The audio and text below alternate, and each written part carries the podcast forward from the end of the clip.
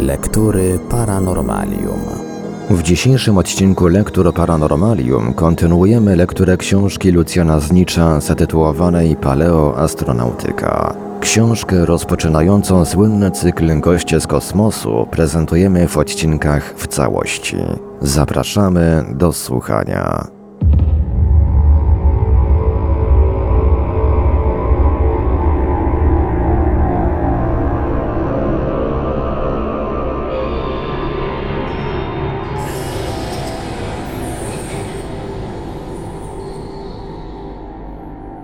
Numer obuwia faraonów.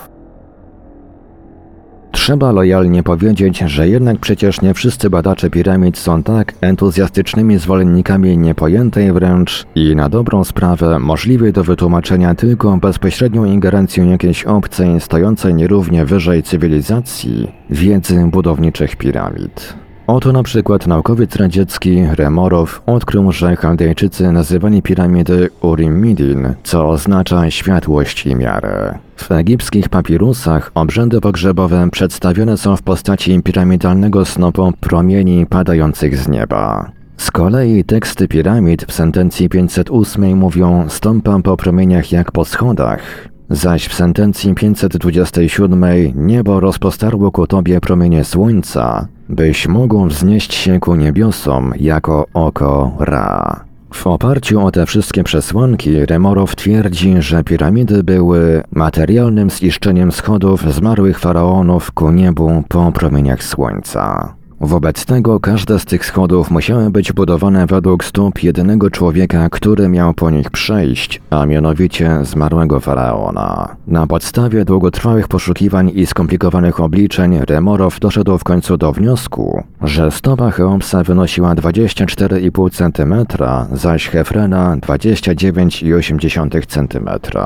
Gdy według tych stóp obliczono z kolei rozmiary obu piramid, okazało się, że boki każdej trójkątnej ściany piramidy Cheopsa i ich wysokość liczą 600, 481 i 769 stóp faraona, zaś w piramidzie Hefrena odpowiednio 480, 360 i 600 stóp. Liczby te nie mają wprawdzie żadnego specjalnego znaczenia, i tak jednak świadczą o niezwykłym rozwoju matematyki starożytnego Egiptu, która już wówczas dysponowała skomplikowanymi formułami znajdowania dowolnych trójkątów równoramiennych o całkowitych liczbach. Do innych znowu wniosków doszedł polski naukowiec docent Wierciński. Twierdzi on, że wszystkie piramidy świata, zarówno na terenie Egiptu, Meksyku czy babilońskiej Cikuraty, Budowane były według jednakowych proporcji, z tym tylko, że stosowano przy ich budowie różne jednostki miary. W Egipcie używany był łokieć królewski o długości 524 tysięcznych metra, dzielący się na 28 palców. W Mezopotamii stosowano łokieć babiloński 503 tysięczne metra, dzielący się na 24 palce. Natomiast piramidy Nowego Świata budowane były według łokci megalitycznych. 829 tysięcznych metra, które tym razem zgodnie z pomiarami archeologów Millera i Toma oraz astronoma Hawkinsa używane były zarówno przy budowie piramidy Słońca w Teotihuacan w Meksyku, jak i słynnego Cromlechu w Stonehenge w Anglii. Obliczenia najbardziej rewelacyjne podał jednak już w XIX wieku jeden z pierwszych łowców piramidalnych tajemnic John Taylor, który stwierdził, że rozmiary Wielkiej Piramidy zostały oparte na calu angielskim 2,54 cm, zaś objętość znajdującego się w niej sarkofagu wynosi dokładnie 4 angielskie kwarty. Nie wiem, czy jest to piramidalna tajemnica, czy piramidalne głupstwo. Oczywiście po tej loży piramidą Cheopsa i nie tylko zajmował się cały legion badaczy coraz bardziej ścisłych, wnikliwych i rzetelnych. Cień jednak Taylora, obawiam się, jest wciąż większy od e, najdłuższego cienia Wielkiej Piramidy. Czy rzeczywiście Egipcjanie władali aż tak wysokim poziomem wszelkich nauk, czy też jest to tylko dokonywane przez entuzjastów rzutowanie współczesnej wiedzy na trudne do odcyfrowania pomniki przeszłości?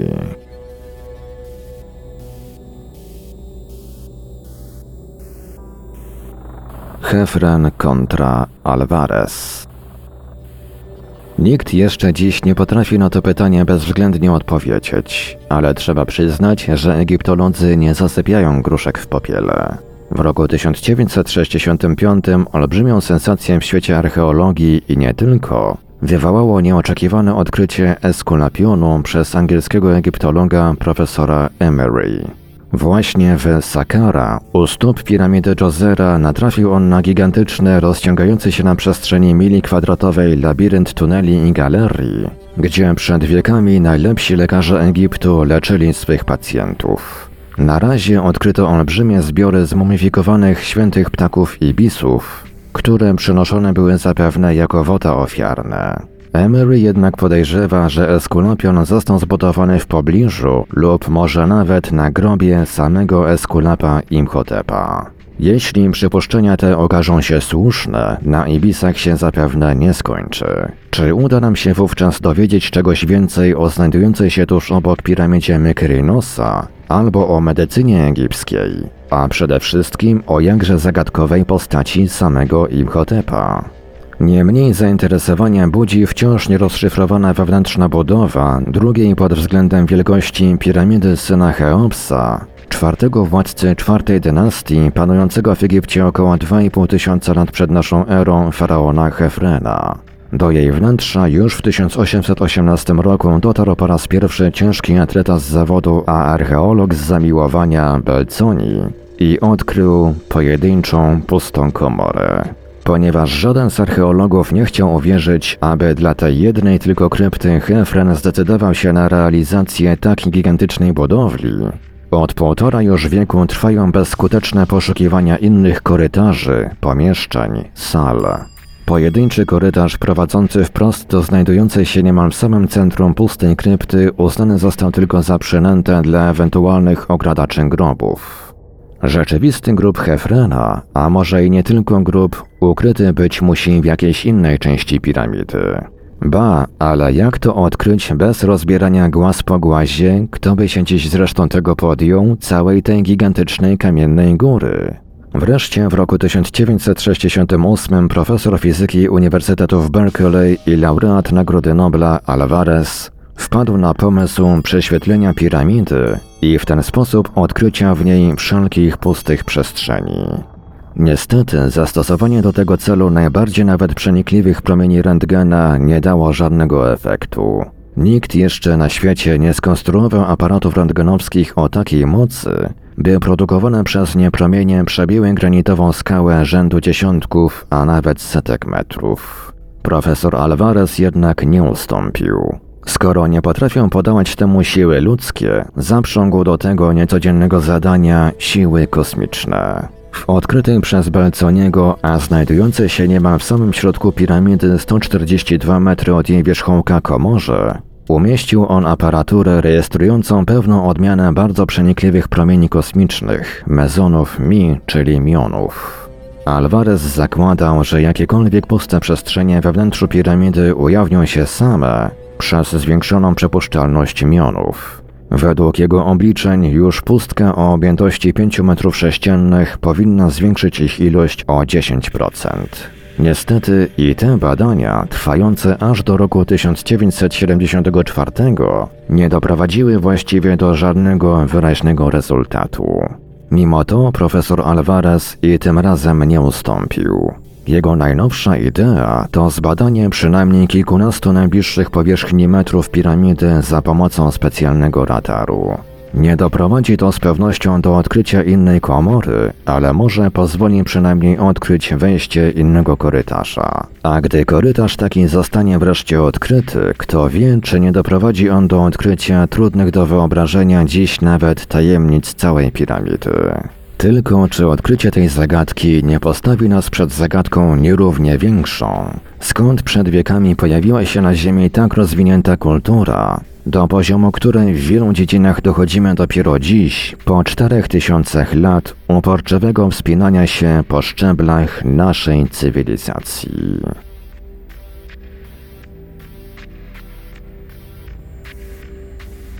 Kto odkrył świat? Inwazja Gruzinów na Hiszpanię. Niech się nam tylko nie wydaje, że wyłącznie Egipt zarezerwował sobie monopol na niemożliwe do rozwiązania przy dzisiejszym stanie wiedzy tajemnice. Bez przesady roi się wprost od nich cały świat.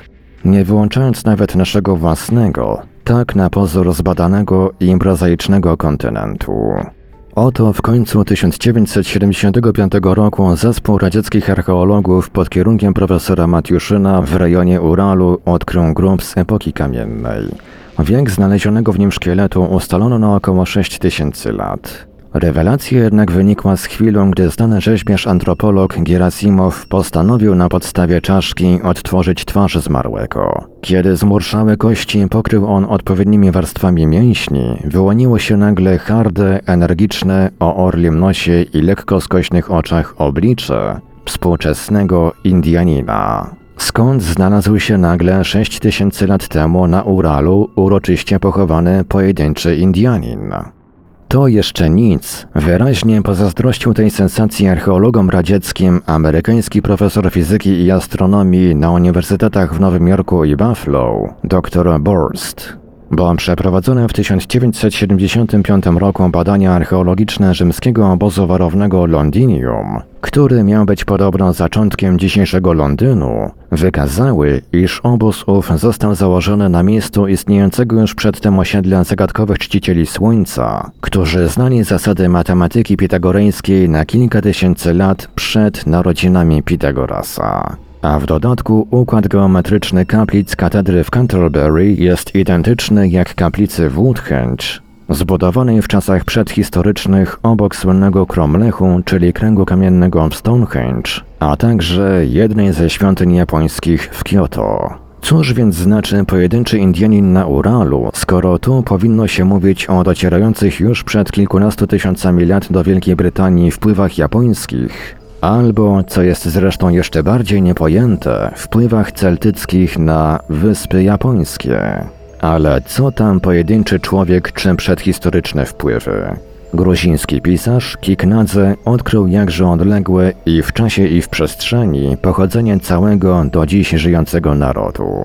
Już w roku 1965 zwrócił on po raz pierwszy uwagę, iż najbardziej chyba tajemniczy spośród narodów Europy Baskowie mają wiele tradycji, zwyczajów, strojów, a nawet słów zbliżonych do folkloru gruzińskiego. Gdzie Rzym, gdzie Krym, a gdzie zamieszkujący pogranicze Francji i Hiszpanii Baskowie? A jednak, gdy niedawno de Aragenui przywiózł do Moskwy zdjęcia baskińskich starożytnych metalowych tablic pokrytych nieodczytanym dotychczas pismem, radzieccy językoznawcy odkryli w nim siedem identycznych, a ponadto wiele zbliżonych znaków do używanego przed tysiącem lat alfabetu w Gruzji. Dzięki temu radziecki filolog Mendelejew odczytał nawet tajemniczy tekst mówiący o tym, iż po katastrofie mędrzec Rio nakazał ludowi opuścić swe siedziby i wyruszyć w kierunku zachodzącego słońca. Czyżby rzeczywiście posłuszni temu posłaniu Baskowie wędrowali od Kaukazu aż do miejsca, gdzie Atlantyk ostatecznie zagrodził im dalszą drogę na zachód? Ale nawet Basków w swej tajemniczości pobiło zamieszkujące najbardziej niedostępne doliny Hindukuszu w Afganistanie plemię nazywające siebie Kalashi. Nie, nie mają oni żadnych świętych tablic, ani nawet odrębnej wyróżniającej się kultury. Tworzą zaledwie trzy, położone powyżej 3000 metrów nad poziomem morza i żyjące w całkowitym prymitywizmie wsie. Jednakże mieszkańcy ich są jedynymi obywatelami Afganistanu o jasnej cerze, blond włosach i niebieskich oczach.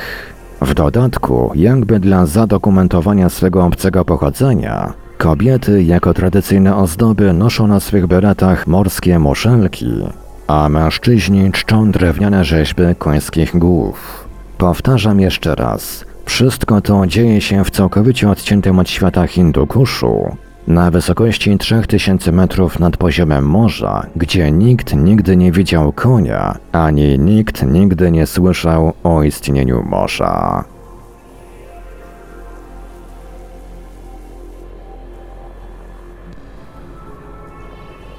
Fenicjanie w Brazylii. Ponad 100 lat już minęło od chwili fascynującego odkrycia w Brazylii, a do dziś właściwie z niezrozumiałych powodów pozostało ono tak samo zadziwiające i niewyjaśnione. W 1874 roku w miejscowości Paraiba znaleziono na skalę napis w nieznanym języku. Próbowano pod tajemnicze znaki podłożyć wszystkie narzecza miejscowych Indian. Nie dało to żadnego rezultatu. Wreszcie w poszukiwaniu możliwości odcyfrowania napisu sięgnięto po klucze najbardziej nieprawdopodobne. Pismo starych kultur kręgu śródziemnomorskiego. I wówczas okazało się, że napis można odczytać za pomocą alfabetu fenickiego. Przy czym głosi on, iż w XIX roku panowania króla Hirama chodzi tu prawdopodobnie o Hirama III, który panował w V wieku przed naszą erą. Z zatoki Akaba wypłynęło w rejs wzdłuż Afryki aż na Morze Czerwone 10 fenickich okrętów. Niespodziewany sztorm rozbił jednak flotę i jeden z jej okrętów dopłynął do dalekich brzegów górzystego kraju. Najbardziej sensacyjne brazylijskie odkrycie czy mistyfikacja. Powtarzam, minął wiek, a zażarta walka wokół tej zagadki trwa wciąż niezmiennie. Tyle, że zwolennicy hipotezy dotarcia Fenicjan do Brazylii dysponują coraz nowymi faktami, przeciwnicy zaś wciąż nie dający za wygraną autorytetem oficjalnej nauki. W 1924 roku dwaj naukowcy brazylijscy, Brandan i de Moraes, usiłowali zwrócić uwagę szkoły oficjalnej na odkryty przez nich cały szereg wygrawerowanych na skałach północnej i środkowej Brazylii rysunków, które, mimo swego niewątpliwie obcego pochodzenia, stały się motywem do dzisiaj stosowanym przez miejscowych Indian przy ozdobach naczyń i w tatuażu. W roku 1931 zmarł w stolicy brazylijskiej Amazonii Manaus plantator kauczuku de Silva Ramos. Niestety w swym prozaicznym zawodzie minął się on z autentycznym powołaniem archeologa. W młodości przebywał przez pewien czas w Egipcie, Syrii i Mezopotamii. Opanował szereg starosemickich języków, a po powrocie do Brazylii cały swój wolny czas poświęcił na poszukiwanie w pieczarach i na skalnych ścianach górnej Amazonii wyciętych rysunków i napisów. Trzeba przyznać, że w ciągu 20 lat zabrał on plon niemały. W opublikowanej tuż przed śmiercią książce pod tytułem Napisy i podania prehistorycznej Ameryki wymienia aż 2800 inskrypcji, w których dzięki swej znajomości starożytnych języków wschodu udało mu się wielokrotnie odcyfrować imiona Jowisza, Anata, Tanita i strasznego boga byka Bala. Niestety, po śmierci Ramosa nie tylko nikt nie podjął kontynuacji jego prac, ale w dodatku brazylijskie czynniki oficjalne całkowicie zdezawuowały jego dorobek, stwierdzając, iż napisy te są bądź falsyfikatami, bądź sposobem rozrywki miejscowych Indian, bądź wreszcie wynikiem erozji i wietrzenia skał. Do jednej z tych kategorii zaliczono nawet słynny Pedra Pintada, malowany kamień, odkryty na rzece Parymie i opisany przez Ramosa, a następnie szczegółowo zbadany przez dyrektora oddziału sztuki egipskiej Muzeum w Rio de Janeiro.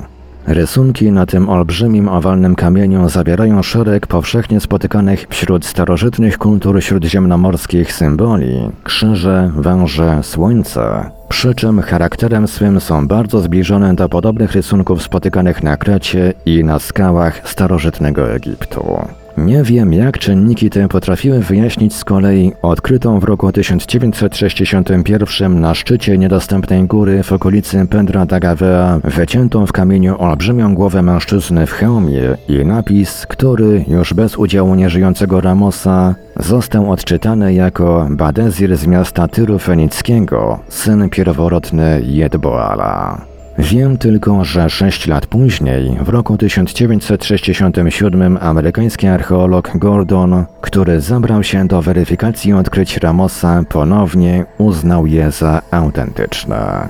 Klimat zresztą wokół tej zadziwiającej to prawda hipotezy uległ tymczasem poważnej zmianie. Można było skutecznie zamknąć usta po poprzednim zamknięciu oczu jednemu, w dodatku nieobwarowanemu odpowiednimi dyplomami badaczowi, ale nie można było zamknąć drogi faktom, a te runęły istną lawiną. W 1953 roku w miejscowości Patton w stanie Paraibos na głębokości 24 metrów znaleziono nefrytowy amulet. W Brazylii nefrytu w ogóle nie ma, amulety zaś tego typu były powszechne wśród starożytnych kultur śródziemnomorskich. W tymże roku na wyspie Marajo u ujścia Amazonki w pobliżu Limy podczas wykopalisk archeologicznych odkryto sarkofag w stylu egipskim, a w nim wśród wielu przedmiotów znaleziono gliniane, charakterystyczne dla trzeciego tysiąclecia przed naszą erą czteromasztowe statki. Zapas wody dla załogi na tych statkach przewożony był w zbiornikach, które nazywały się Karamekera. Otóż Indianie brazylijscy posługujący się narzeczem Tupi-Guarani cysterny z wodą nazywają Karamerkere. W roku 1954 badacz Ermelindo zawiadomił o znalezieniu w pobliżu osiedla Dorado w Mato Grosso kamei z egipskimi hieroglifami o następującej treści. Po śmierci dusza władczyni uniosła się w niebo i dzięki swej dobroczynności dostąpiła tam wiecznego spokoju. Wreszcie najbardziej chyba sensacyjne informacje przekazał długoletni wykładowca klasycznego języka arabskiego na Uniwersytecie Algierskim Aumet, który w Sierra Maranacho odkrył urny grzebalne zawierające m.in. szklane, niewątpliwie fenickiego pochodzenia korale oraz kolczyk z perłowej macicy z wygrawerowanym na nim nilowym krokodylem. Mało tego, dalsze poszukiwania doprowadziły go do odkrycia podwójnych urn grzebalnych, w których znalazł szkielety pomalowane na czerwono, identycznie tak samo jak w miejscowości Champs-Dalade w departamencie Dorgon we Francji. Znalazł on tutaj również podobne do bretońskich budowle kamienne, a nawet broń z epoki neolitu. Ostatecznym dowodem wiarygodności wszystkich dotychczasowych odkryć byłoby zapewne znalezienie ruin budowli, które ta obca i niewątpliwie wysoko rozwinięta cywilizacja musiała przecież na brazylijskiej ziemi zostawić. Jeden z katolickich misjonarzy zapewnia nawet, że widział jakieś dziwne budowle, przypominające budownictwo Meksyku lub Egiptu, w głębi olbrzymiej doliny, w odległości około 100 km od rzeki Rio das Quinzas. Na poszukiwanie tych ruin wybrał się swego czasu pułkownik Fouquet. Nie wrócił. Po nim zorganizował ekspedycję Mofre.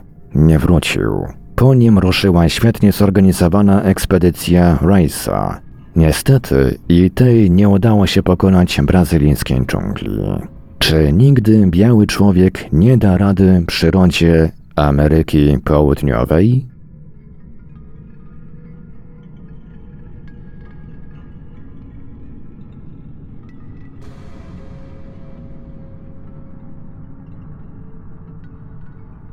Radiu Paranormalium zaprezentowaliśmy fragment książki Lucjana Znicza Paleoastronautyka. Dalszy ciąg w kolejnym odcinku Lektur Paranormalium.